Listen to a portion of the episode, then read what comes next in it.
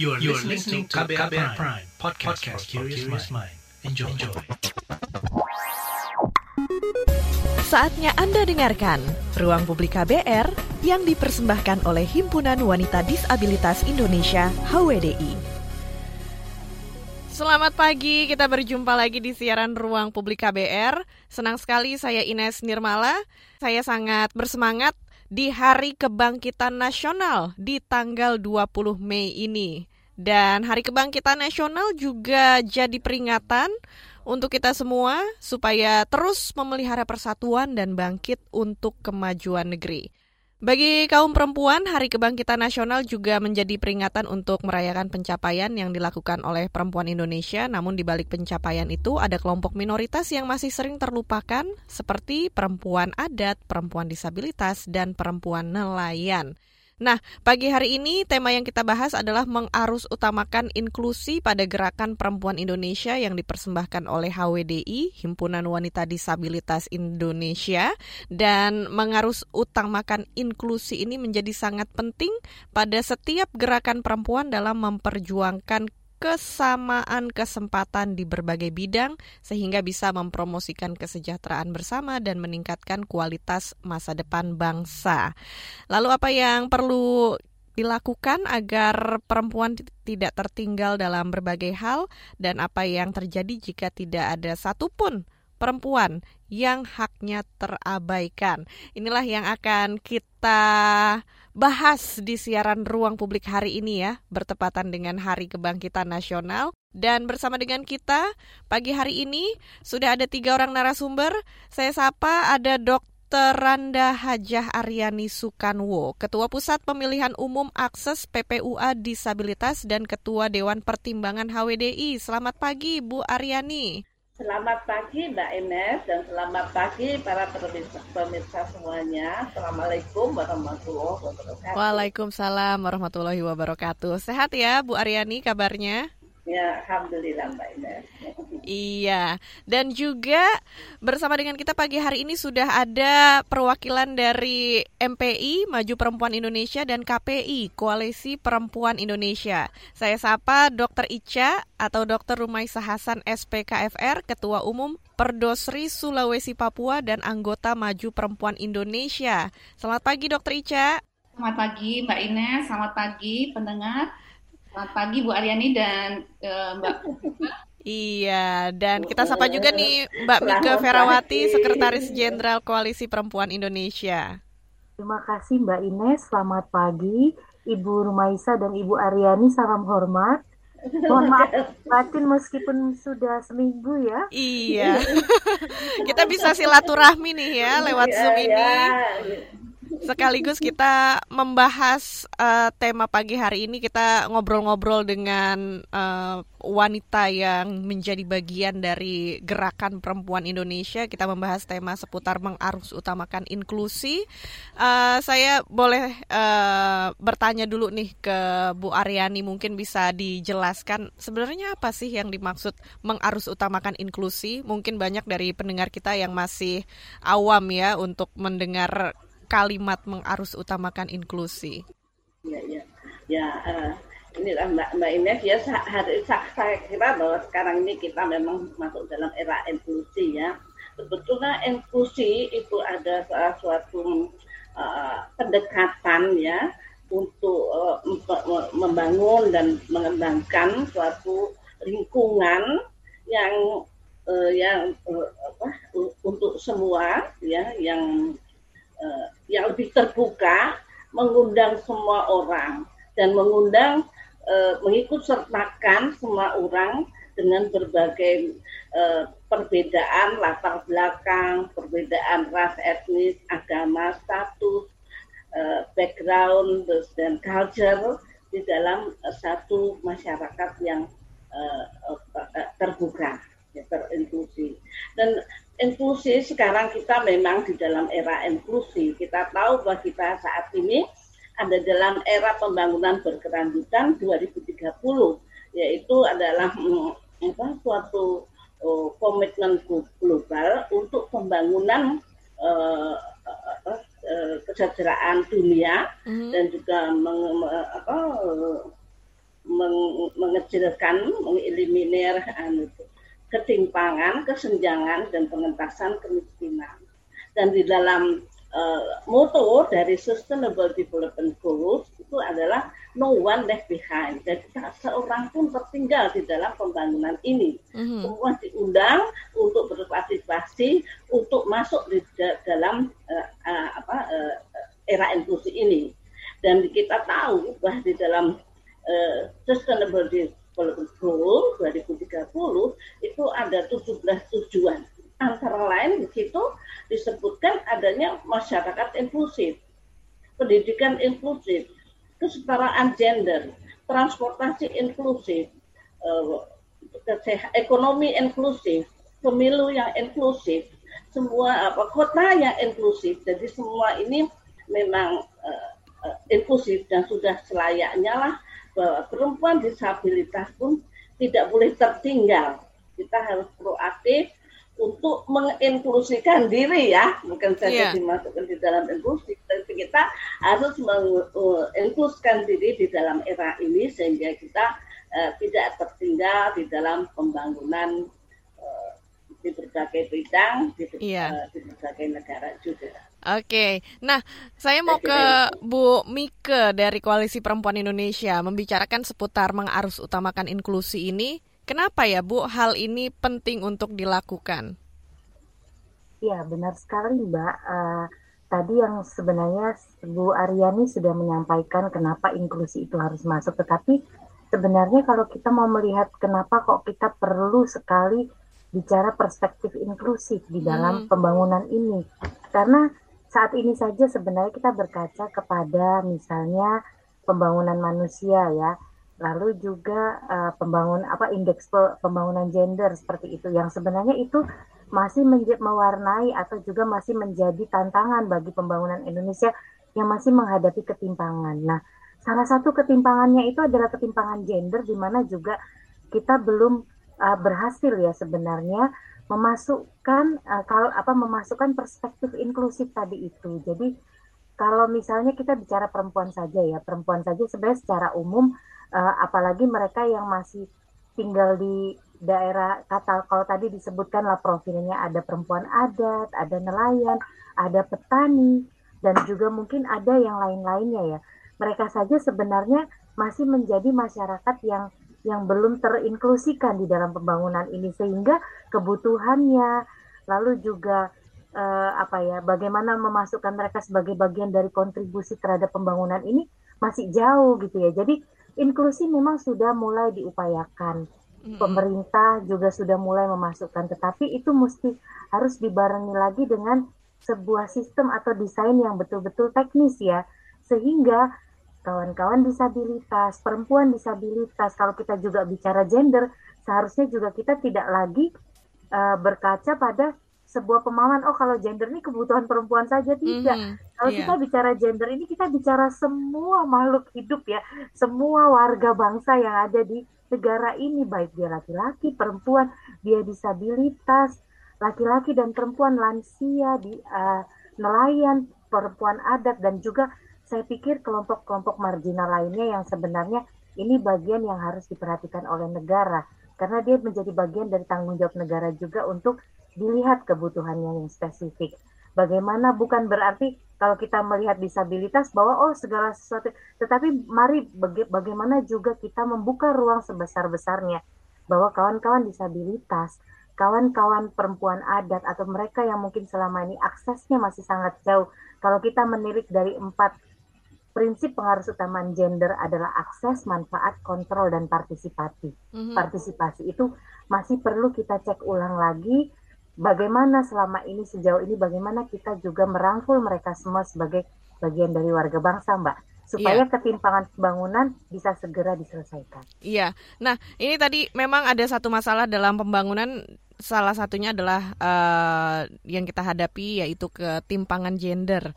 Saya mau ke Dokter Ica dari Maju Perempuan Indonesia. Ini um, ada beberapa kelompok yang disebut tertinggal. Perempuan disebut sebagai kelompok tertinggal ya, termasuk juga perempuan adat, perempuan nelayan, perempuan disabilitas ya. Mereka masuk ke kelompok minoritas yang sering terabaikan dan tertinggalkan. Ini kenapa hal itu terus terjadi?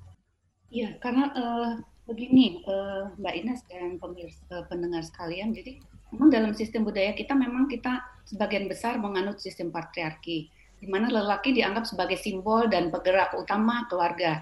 Sehingga uh, ini mem membuat kondisi dukungan diarahkan sepenuhnya dan diutamakan untuk laki-laki, baik dari segi pendidikan dan kemudian ekonomi, akses untuk uh, mendapatkan uh, penghidupan yang lebih baik dan banyak hal.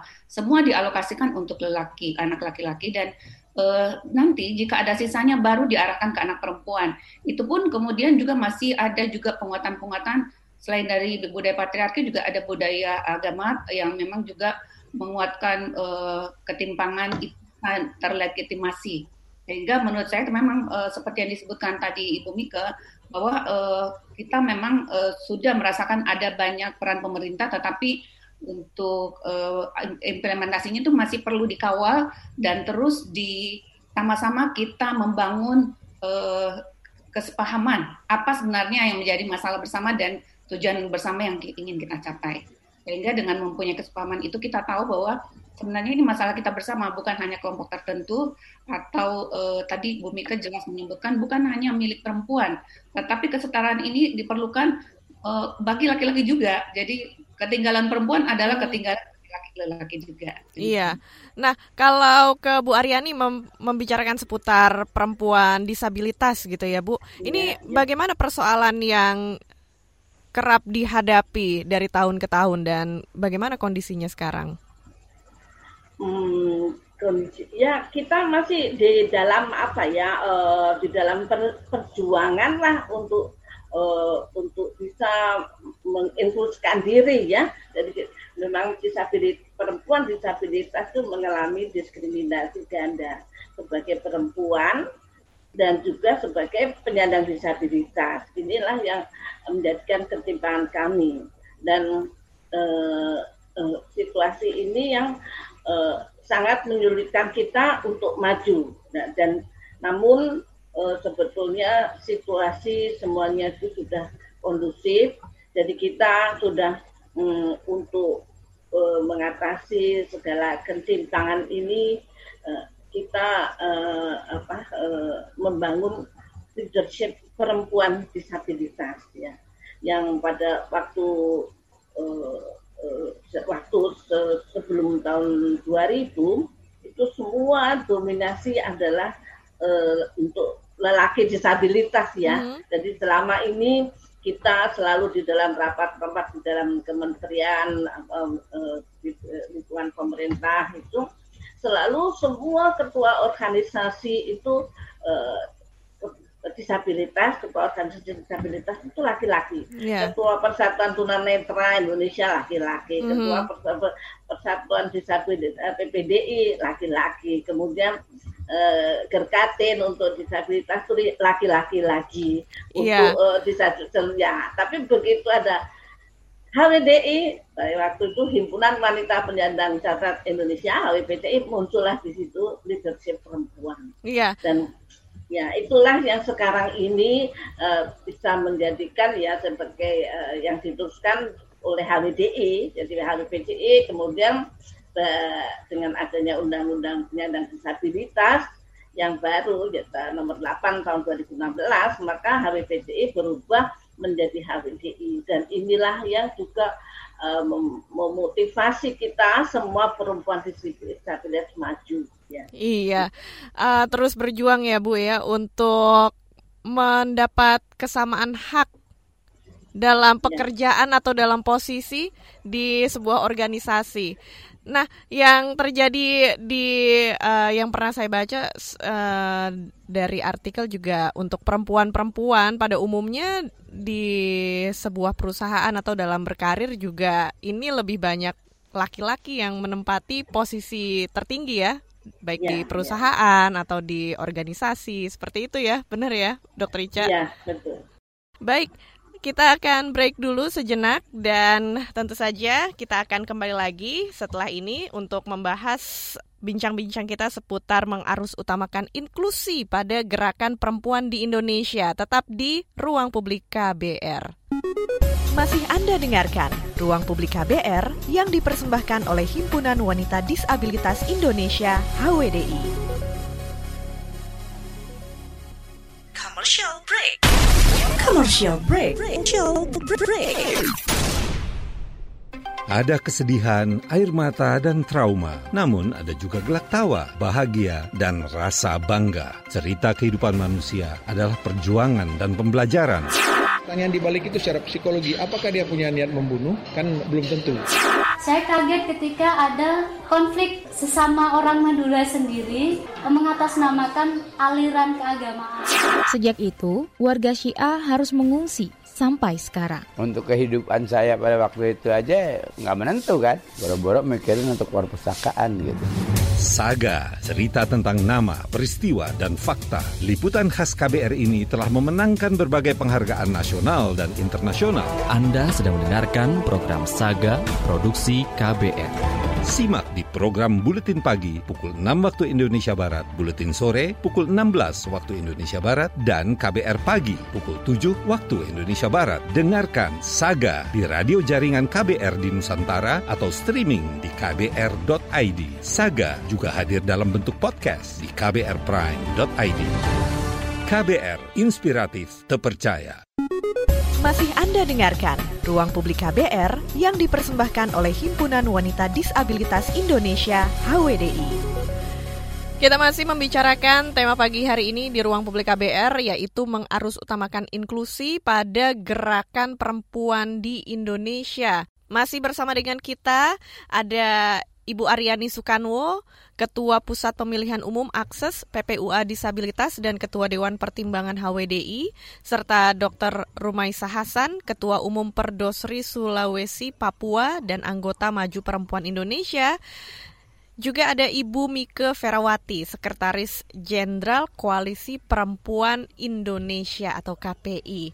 Ya, saya mau ke Ibu Mika nih Bu, membahas seputar keadaan perempuan di Indonesia, termasuk juga tadi kita membahas ada kelompok perempuan minoritas seperti perempuan adat, perempuan nelayan, perempuan tani, yang ini juga tidak bisa kita lupakan keberadaan mereka ya di negeri ini. Bagaimana potret perjuangan mereka dalam hak dan kesetaraan? Ya, uh, terima kasih Mbak Ines. Pertanyaannya sangat baik sekali. Ini ya, kalau kita yeah. bicara memang kalau kita bicara gambaran profil perempuan itu sebenarnya berangkat dari banyak sekali uh, latar belakangnya. Salah satunya yang sudah apa salah dua dan tiga empatnya yang sudah disampaikan oleh Mbak Ines tadi. Mm -hmm. Tetapi memang uh, kita juga masih uh, meskipun hari ini apa yang sudah kita perjuangkan atau juga kelompok perempuan perjuangkan memang sudah kalau kita boleh nanti kita sudah ada pada titik kalau dulu mungkin kita masih menyarok, melakukan penyadaran ya bagaimana sebenarnya uh, apa uh, uh, bagaimana kita menyadari adanya ketimpangan antara laki-laki dan perempuan misalnya tetapi ya. hari ini sebenarnya perempuan dan laki-laki itu sebenarnya sudah sama-sama apa melakukan banyak hal ya untuk pembangunan ini tetapi memang tadi seperti yang sudah disampaikan oleh Ibu Rumaisa ya bahwa, bahwa Ibu bahwa sebenarnya budaya patriarki ini masih sangat melekat ya dan dia itu masuk ke dalam sebuah da, ke dalam ber, banyak aspek kehidupan ini.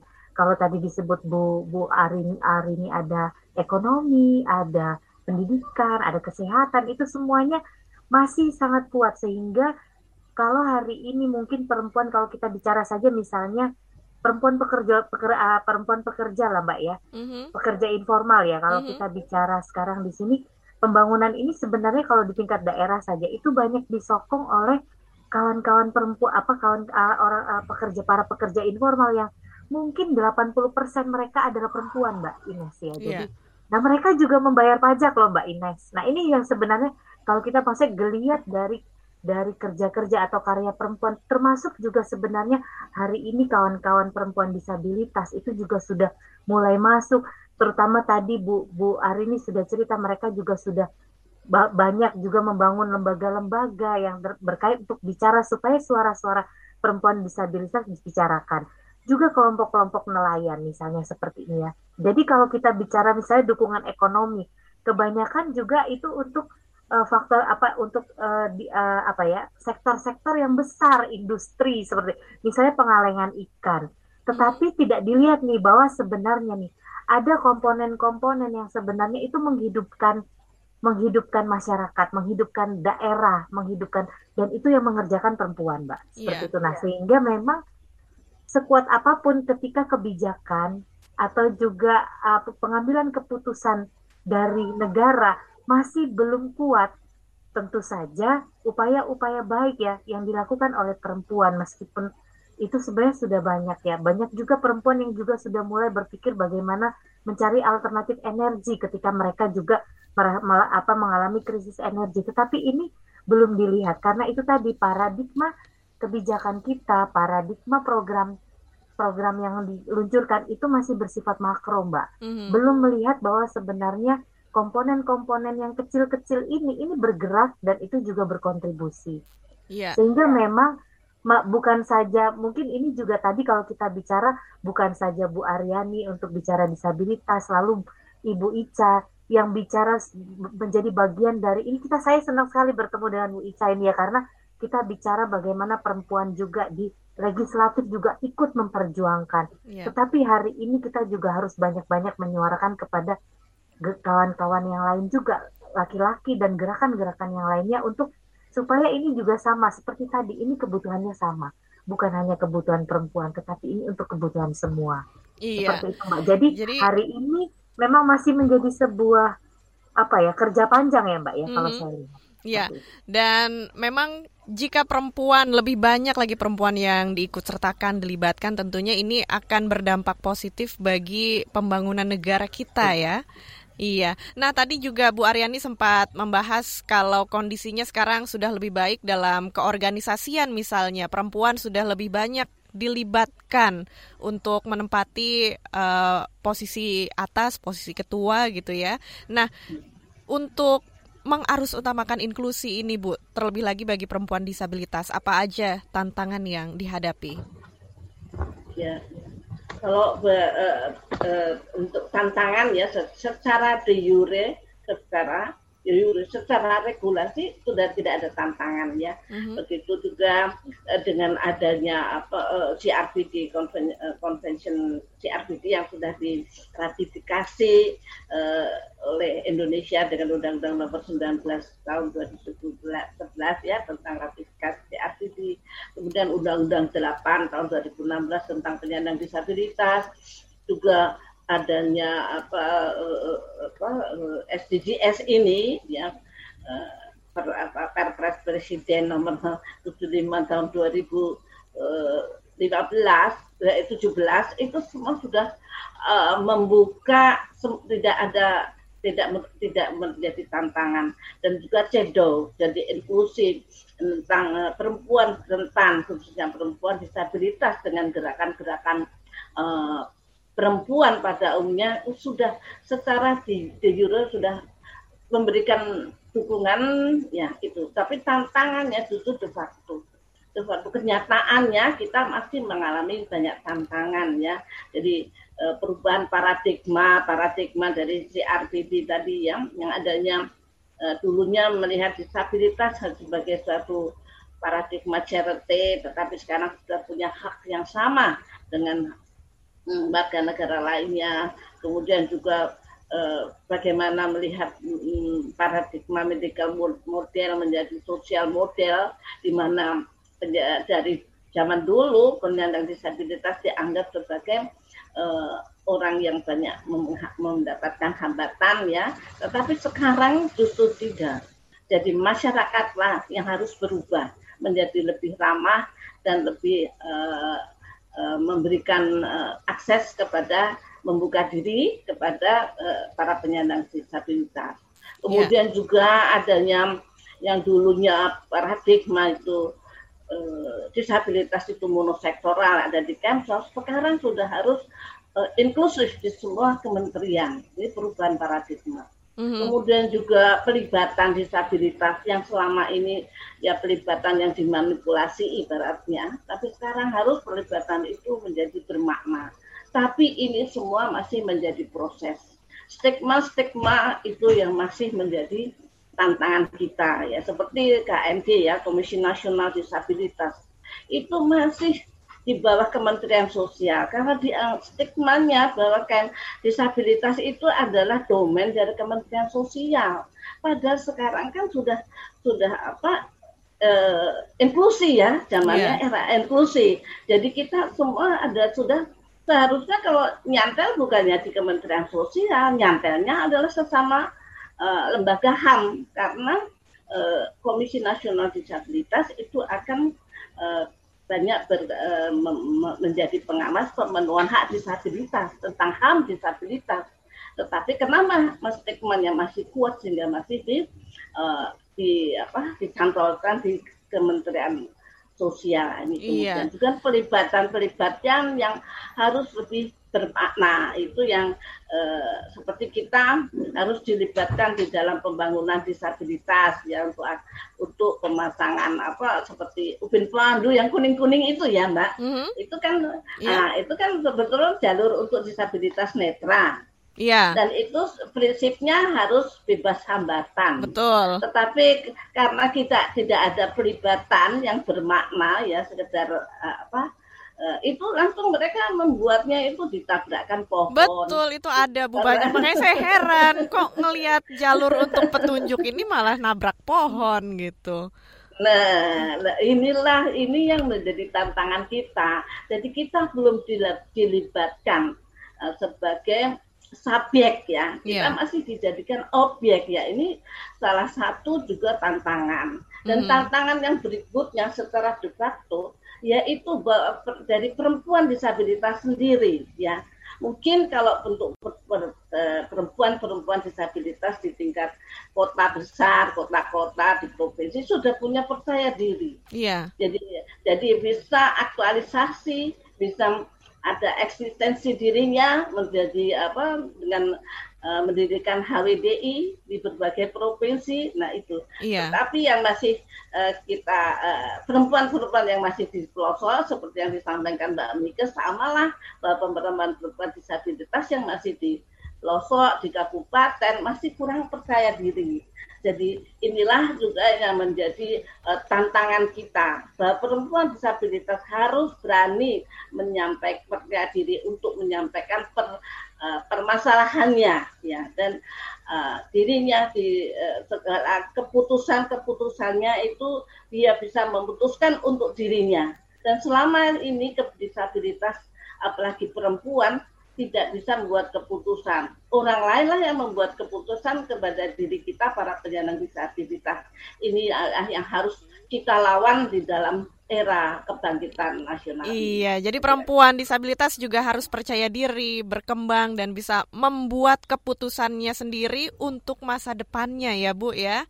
Ya, Oke, okay. ya. kita akan jeda dulu sejenak. Kita akan kembali lagi ke siaran Ruang Publik KBR setelah yang berikut ini. Masih Anda dengarkan Ruang Publik KBR yang dipersembahkan oleh Himpunan Wanita Disabilitas Indonesia HWDI.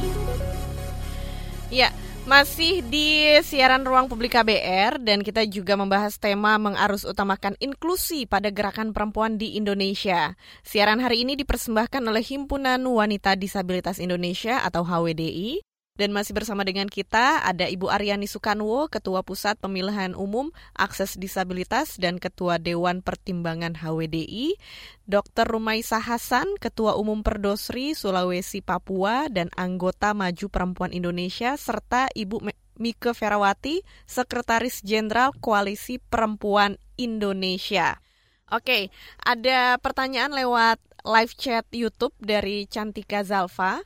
Apa yang bisa kita lakukan sebagai masyarakat biasa untuk merubah perilaku masyarakat yang masih sebelah mata kepada perempuan disabilitas? Mungkin ini terkait stigma yang tadi disebutkan oleh Bu Aryani ya, masih secara de facto ini banyak tantangan dan juga stigma dari masyarakat sekitar. Boleh silakan yang mau menanggapi mungkin uh, Bu Aryani atau Bu Rumaisa? Saya izin menanggapi ya Bu iya. ya. Mm -hmm. silakan. Uh, menurut saya ini perlu di, di, di pertama-tama yang perlu adalah membuat uh, rekonsep dari uh, pengertian disabilitas itu sendiri. Selama ini kan disabilitas dianggap sebagai suatu uh, yang berkaitan dengan penyakit kongenital, ada hmm. defisit hmm. intelektual, atau konsekuensi dari suatu penyakit yang berat. Kemudian di, selalu di, diarahkan bahwa person dengan disabilitas itu selalu uh, diibaratkan seorang yang menderita atau depresi dan bergantung pada pihak lain. Padahal sebenarnya kan WHO menggambarkan disabilitas, disabilitas itu sebagai uh, interaksi hasil interaksi antara gangguan yang dimiliki seseorang dan sikapnya terhadap gangguan yang dimilikinya serta hambatan lingkungan yang menghalangi partisipasi aktif uh, dan penuh mereka di masyarakat. Jadi bukan semata-mata hal yang uh, berkaitan dengan uh, keterbatasan fisik atau stereotip lainnya ya. Nah, uh, sehingga uh, ini dengan pemberian konsep yang benar, maka penderita disabilitas diminta kita harapkan uh, pertama-tama harus memandang dirinya dulu uh, secara berimbang dan harus bisa mencintai dirinya sendiri, mm-hmm. bisa menerima kondisi dirinya sebagai suatu uh, variasi atau perbedaan yang wajar seperti kita melihat adanya perbedaan warna kulit, warna rambut. Jadi sebenarnya kita uh, perlu sekali membuat uh, person dengan disabilitas itu menerima dulu dirinya dan mencintai sehingga dapat kemudian melakukan uh, per, cukup percaya diri untuk mengeksplor, mengembangkan dirinya. Kemudian yang kedua adalah uh, konsep itu memang tidak bisa di, di uh, ditularkan atau diedukasi dari person disabilitas sendiri, tapi perlu ada komunitas yang perlu melakukan uh, apa semacam uh, kampanye tentang uh, konsep diri disabilitas yang benar dan penerimaan kita dan anggota keluarga atau kelompok di mana terdapat orang yang berbe uh, person dengan disabilitas yang kita anggap berbeda. Kemudian edukasi itu juga harus terkait dengan uh, bagaimana mengelola disabilitas itu dari hulu, uh, hulu ke hilir. Jadi begini, uh, saya pernah ke Yayas YPAC dan melihat hmm. sebenarnya lebih dari separuh disabilitas yang eh, anak-anak uh, yang tinggal di sana itu adalah kondisi yang sebenarnya bisa dikelola. Kalau ditangani dengan baik, sebenarnya tidak akan perlu berakhir dengan masuk asrama cacat atau panti-panti yeah. cacat. Jadi pengenalan itu yang penting. Sebenarnya kalau orang bisa um, uh, masyarakat lebih banyak paham, dipahamkan bahwa ada beberapa kondisi yang bisa dicegah atau kondisi A, B, C, D yang kemudian uh, berpotensi cacat dan itu hal-hal yang bisa dicegah itu jauh lebih baik. Kalaupun tidak, itu bisa uh, melakukan uh, eksplorasi, mengukur apa namanya, mengembangkan dirinya, dan tentu uh, memang harus disediakan lebih banyak sarana pendidikan atau tempat-tempat di mana person-person uh, dengan disabilitas itu bisa melakukan pengembangan diri secara uh, komprehensif dan juga bermutu gitu. Iya. Karena ya, yang lain adalah uh, memang harus diingat bahwa seperti kata Einstein bahwa kalau ukuran kepandaian itu diukur dengan memanjat pohon, maka ikan itu tidak akan selamanya menjadi idiot.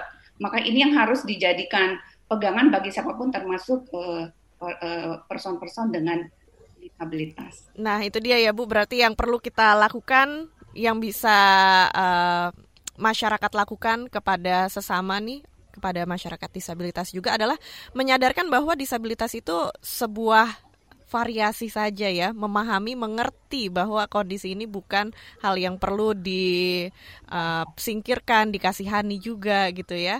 Baik, sekarang ya, juga ya, ya mungkin mungkin ya. Mbak saya cuma ini tadi kan dari fisik ya. non disabilitas Ibu Dokter Ija ya. Uh -uh. Nah, tapi sekarang dari kami dari penyandang disabilitas itu bagaimana cara memandang kami ya. ya. Jadi sebagai seorang keluarga yang punya anak disabilitas berikanlah haknya, haknya, haknya untuk dikasih disayang ya. Jadi jangan sudah uh, diskriminasi dalam keluarga itu enggak harus sayang. Kalau dia harus ususnya sekolah, ya harus sekolah, ya. Iya. Jadi berikan haknya. Jadi kalau mereka itu hari Lebaran, berikan juga baju baru sehingga dia juga tersenyum, gitu kan. Jadi di sini hak penyandang disabilitas itu sama dengan haknya non disabilitas, sama dengan hak warga negara semuanya. Jadi, jadi sebagaimanapun disabilitasnya, uh, disabilitas intelektual itu kalau waktunya sekolah sekolah, kalau apa, dia harus mendapatkan um, treatment seperti habilitasi, apa rehabilitasi itu diberikan harus diberi. Jadi eh, disayang, diberikan hak asuh dan dia juga kalau harus sekolah harus sekolah ya. Dan inilah yang eh, haknya untuk bekerja, haknya untuk berekreasi itu diberikan semuanya Iya. Karena ya jadi dengan itu mereka bisa berkembang. Gitu. Nah, anak-anak disabilitas juga tidak boleh diabaikan haknya ya Bu ya untuk ya. mendapatkan pendidikan, untuk mendapatkan kasih sayang dan perlindungan dari keluarga. Iya. Jangan didiskriminasi. Kalau 17 Agustus sudah diajak untuk hmm. merayakan 17 Agustus iya. gitu seperti Jadi, itu ya Bu. Ya, dan diinklusikan di dalam keluarga maupun di dalam masyarakat. Ya, inilah pengarus utamaan lagi ya. Jadi kalau punya anak disabilitas jangan disembunyikan, jangan diisolir. Iya. Karena apa? Kalau mereka diisolir, mereka tentu jadi bodoh. Beda kan sama-sama disabilitas kalau disekolahkan bagaimana disabilitas yang selalu diperlakukan yang apa uh, ya kurang manusiawi dengan disabilitas yang selalu disayang itu perkembangannya akan beda dan ini akan memperingan keluarga ya dan gitulah iya. jadi jangan disembunyikan ya. Sekarang juga sudah ada pendengar kita yang bergabung lewat telepon, Bu. Saya angkat dulu ya telepon dari Resi ya. di Jakarta. Selamat pagi. Pagi. Iya, Resi. Uh, uh. Apa yang mau disampaikan? Uh, iya, kayaknya mau nanya, uh, nanya nih uh, bantuan apa yang dilakukan oleh organisasi organisasi organisasi perempuan yang ada di kota-kota besar yang tadi udah disebutin itu uh -huh. Uh, untuk membantu perempuan disabilitas yang ada yang ada di pelosok yang tadi masih uh, belum cukup berkembang itu apa yang mereka lakukan gitu loh untuk membantu yang yeah. ada di pelosok itu. Oke, okay. itu saja uh, Resi yang mau ditanyakan? Ya itu saja. Oke, okay. baik. Nah mungkin uh, dari teman teman-teman gerakan perempuan nih ya yang mungkin ada di kota besar gitu, seperti apa bentuk uh, bantuan atau apa yang diberikan untuk mereka yang masih tinggal di pelosok? Boleh ditanggapi mungkin? Oke, Bu Mika silakan. Boleh, boleh. Uh, mungkin uh, terima kasih Resi pertanyaannya bahwa iya uh, Pertama, kalau kita bicara bagaimana kita bisa merangkul atau menjangkau kawan-kawan disabilitas yang mungkin uh, saat ini posisinya masih jauh dari akses atau sangat terpencil gitu ya. Mm-hmm. Sejauh ini memang yang kita lakukan adalah bagaimana melakukan kolaborasi kerja. Jadi kalau selama ini mungkin dengan HWDI Koalisi Perempuan juga sudah aktif bersama-sama ya, Bu Aryani, kita sudah sering yeah. melakukan kerja-kerja bagaimana yeah mengupayakan desain, terutama ketika ini kita bicara di daerah. Karena tentu saja posisi di, di nasional dan di daerah itu berbeda, apalagi kalau kita bicara daerah terpencil. Jadi pertama kali yang kita upayakan bersama-sama adalah berkolaborasi kerja, lalu melakukan koordinasi dan konsolidasi yang kuat, terutama dalam hal pendataan. Dalam hal ini, misalnya upaya pertama kali yang kita kerjakan dulu untuk kita bisa menjangkau bantuan apa yang sebenarnya uh, apa bisa kita lakukan untuk kawan-kawan disabilitas. Karena disabilitas hari ini pun beragam sebenarnya.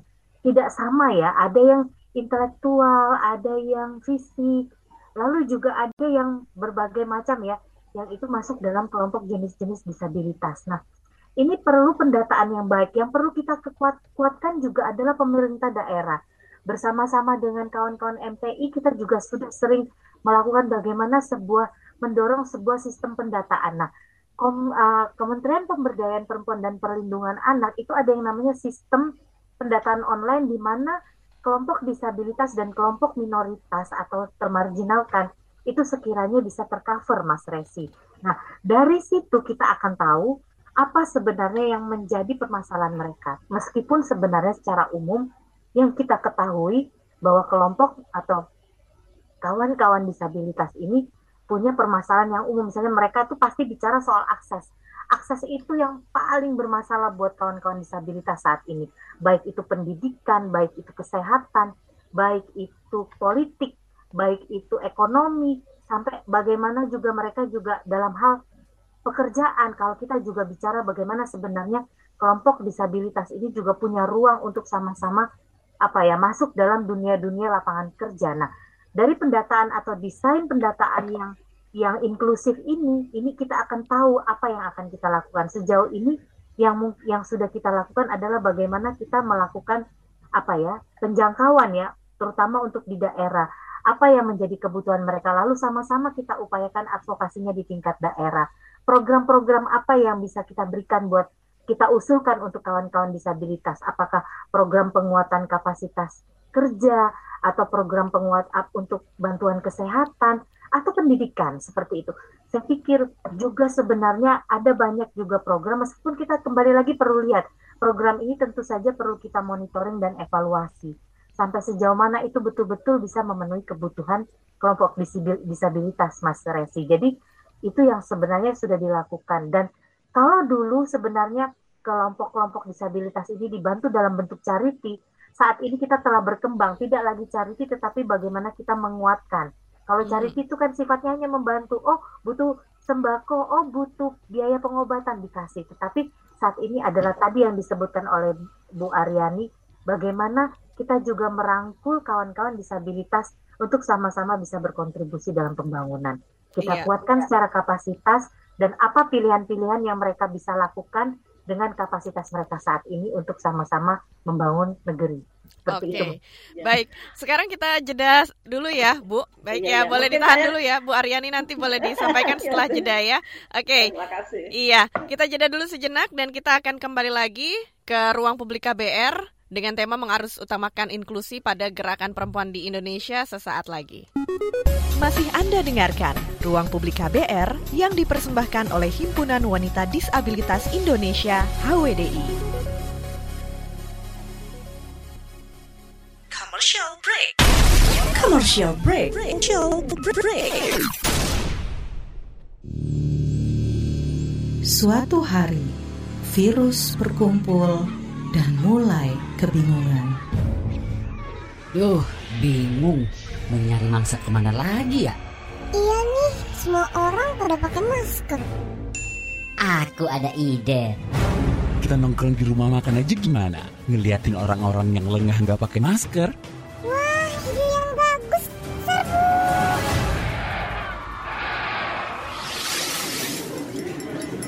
Hati-hati makan bersama saat pandemi. Sebaiknya pilih ruang terbuka, tetap jaga jarak kamu 1,5 meter jika duduk bersebelahan, 2 meter jika berhadapan. Batasi waktu makan bersama 30 menit saja dan jangan berbicara saat makan. Jika sudah selesai, gunakan kembali maskermu ya.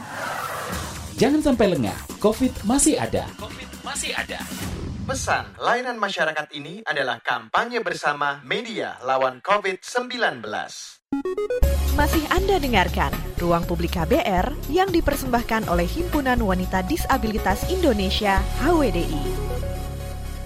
Sekarang kita sudah masuk ke bagian akhir siaran Ruang Publik KBR dan juga masih bersama dengan kita yaitu Ibu Aryani Sukanwo, Ketua Dewan Pertimbangan HWDI dan Ketua Pusat Pemilihan Umum Akses Disabilitas, Dr. Rumaisa Hasan, Ketua Umum Perdosri Sulawesi Papua dan anggota Maju Perempuan Indonesia, serta Ibu Mike Ferawati, Sekretaris Jenderal Koalisi Perempuan Indonesia.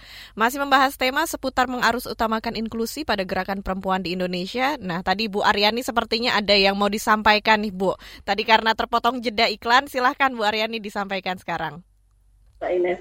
Ya, saya juga menang, menanggapi tadi yang ya menggarisbawahi lah apa yang disampaikan Mbak Nike ya. Jadi tentang pendataan. Memang sebetulnya uh, untuk uh, bagaimana uh, men, uh, enter, uh, men, mengangkat kehidupan disabilitas perempuan disabilitas ya kami ingin bahwa di dalam kegiatan-kegiatan KPI apa, MPI itu menginkluskan disabilitas di mana perempuan disabilitas itu bertemu gitu. Jadi apa pun mereka dilibatkan lah dilibatkan. Tapi yang saya utamakan tadi mengenai pendataan. Betapa pentingnya pendataan untuk uh, penyandang disabilitas. Karena banyak sekali penyandang disabilitas itu tidak punya KTP, tidak punya uh, akte kelahiran. Mm -hmm. apalagi mungkin saya nitipkan kepada dokter Ica ya yang Sulawesi dan Papua itu saya ragu mbak di sana apakah bayi-bayi disabilitas itu punya akte kelahiran ataukah punya ya apalagi untuk KTP jadi mereka sering terlewatkan dengan program-program yang yang sudah diperuntukkan warga negara lainnya seperti uh, jaminan kesehatan ya BPJS kemudian kartu Indonesia Pintar. Sering terjadi uh, disabilitas bayi-bayi balita disabilitas kalau sakit itu jadi bingung karena dia tidak punya apa tidak, tidak ada punya akses dan ya jadi mau ke rumah sakit untuk BPJS jadi nggak bisa iya. nah, ini sangat hambatan sekali mereka tidak bisa mendapatkan hak-haknya sebagai warga negara Iya, jadi dan waktu COVID itu hmm. ada pembagian sembako. Hmm. Banyak sekali disabilitas yang khususnya di daerah itu tidak dapat bagiannya terlewatkan. Nah, iya. inilah.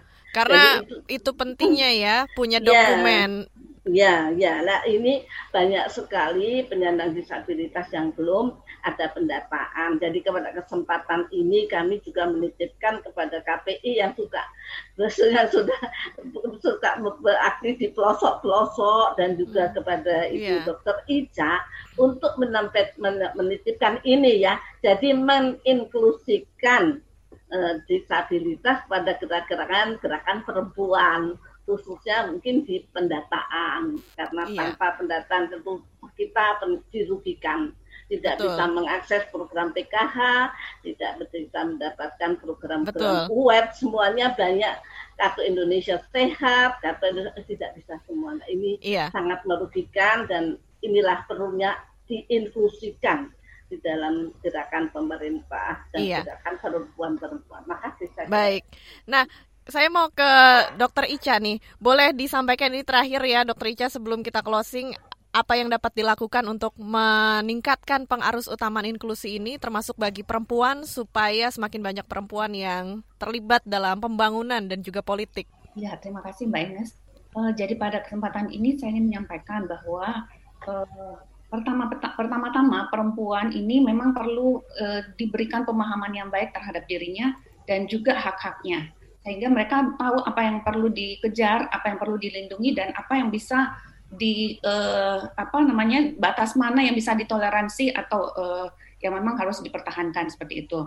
Kemudian yang kedua adalah komunitas di mana perempuan dan juga perempuan disabilitas itu berada juga perlu sama di edukasinya tentang bagaimana mereka memandang uh, anak atau keluarga mereka yang uh, terdampak disabilitas tetap mencintai seperti digambarkan Ibu Aryani dan mem membuat mereka sama berharganya dengan anak lain. Kemudian yang ketiga adalah stakeholder lain seperti termasuk kita-kita semua yang ada di sini memang juga harus terus mendukung karena uh, dengan dukungan seperti ini juga akan menstimulasi kesadaran dari para disabilitas sendiri. Kadang-kadang diam-diam saja setelah disimulasi, oh ternyata memang hak saya memang harus dikejar seperti itu. Dan yeah. yang terakhir adalah uh, perlunya kita kembali lagi seperti yang saya sebutkan tadi bahwa uh, melihat bahwa uh, disabilitas itu kan variasi dan karena itu variasi kita tidak boleh melihat itu sebagai suatu keanehan dan mempunyai nilai yang sama serta yang paling penting pesan saya adalah bahwa mari kita fokus pada apa yang kita miliki bukan apa yang hilang yeah. jadi tetap perkuat apa yang ada pada diri kita dikembangkan toh kita tidak harus menguasai semua untuk menjadi unggul ini hmm. salah satu yang unggul di diri kita untuk dikembangkan dan dibuat menjadi uh, maestro di bidang itu. Saya Wah, kira luar kan. biasa ya. Oke, nah Bu Mika juga boleh sampaikan sedikit Bu di sebelum closing ini apa yang mau disampaikan untuk mewujudkan inklusi bagi perempuan dan juga bagi kelompok perempuan minoritas. Baik, Mbak Ines, terima kasih. Saya mungkin akan sekarang sudah banyak tadi juga Bu Aryani juga hmm Dokter Caca ya, Ica ya Dokter sudah Ica. menyampaikan, yeah. Bu Ica ya. Uh, jadi uh, inklusi itu jangan hanya sebagai konsep besar, tetapi inklusi ini perlu diseriusi. Kalau perlu turun dalam bentuk-bentuk uh, apa ya program teknis yang itu tadi menjangkau secara pasti. Dan ini perlu dilihat dan bisa terukur. Sebenarnya inklusi itu akan bicara seperti apa? Karena kalau kita bicara inklusi itu bukan hanya oh sudah ter uh, oh perempuan sudah dilibatkan, oh disabilitas sudah dilibatkan, tetapi perlu turun dalam teknik teknik apa ya uh, program-program teknis yang itu dapat terukur dan bisa dievaluasi, Mbak. Iya. Dan dan kalau kita bicara inklusi, kita sudah tidak boleh lagi ribut-ribut bicara oh gender itu punya perempuan, oh gender Iya. itu punya tidak. Kita harus berhenti dari kesalahkaprahan yang panjang ini untuk supaya kita bisa move-nya cepat seperti Iya. itu dan kawan-kawan disabilitas atau perempuan-perempuan uh, apa ke- ke- kelompok-kelompok perempuan yang termarginal atau yang selama ini juga masih jauh dari dari apa ya program pemerintah itu bisa segera juga mendapatkan uh, haknya sebagai warga bagian dari warga Iya, negara baik. dan Terima kasih sambil ya. kita juga mensukseskan SDGs mbak Iya. seperti itu Karena waktu yang terbatas kita sudahi Ya. dulu perbincangannya sampai di sini. Terima kasih banyak Bu Mike, Bu Rumaisa dan Sama-sama. juga Bu Aryani. Mbak Ines terima Sampai kasih. jumpa lagi. Sampai eh, saya juga ucapkan terima kasih banyak untuk yang sudah bergabung dan mendengarkan di siaran Ruang Publik KBR. Saatnya saya Ines Nirmala pamit undur diri. Sampai jumpa lagi. Salam. Baru saja Anda dengarkan Ruang Publik KBR yang dipersembahkan oleh Himpunan Wanita Disabilitas Indonesia HWDI. KBR Prime, cara asik mendengar berita. KBR Prime, podcast for curious mind.